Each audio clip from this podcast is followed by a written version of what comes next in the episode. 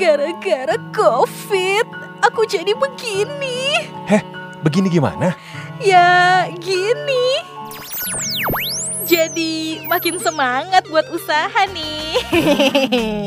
Gara-gara COVID. Sahabat kreatif, sekarang kita masuk ke gara-gara COVID. Uh. Oke, sekarang kita tanyain ke salah satu mahasiswa universitas yang ada di Jakarta dan kira-kira dia kena dampak apa ya akibat COVID-19 ini. Bro, gimana bro? Saya Alam, saya mahasiswa tingkat akhir di salah satu kampus di Jakarta. Saya merantau ke Jakarta untuk kuliah dan keluarga saya di daerah.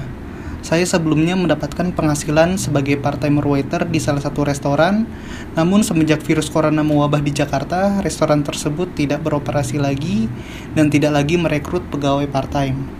Saya hampir putus asa, saya mencoba untuk mendaftar menjadi ojek online, namun juga sudah tidak bisa.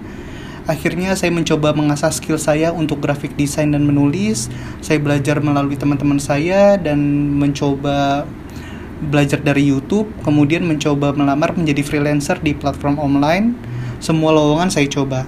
Alhamdulillah, saya sekarang rutin menerima order desain dan tulisan. Buat pendengar, jangan putus semangat, jangan lelah belajar dan mencoba hal baru, dan jangan mau kalah dengan virus corona.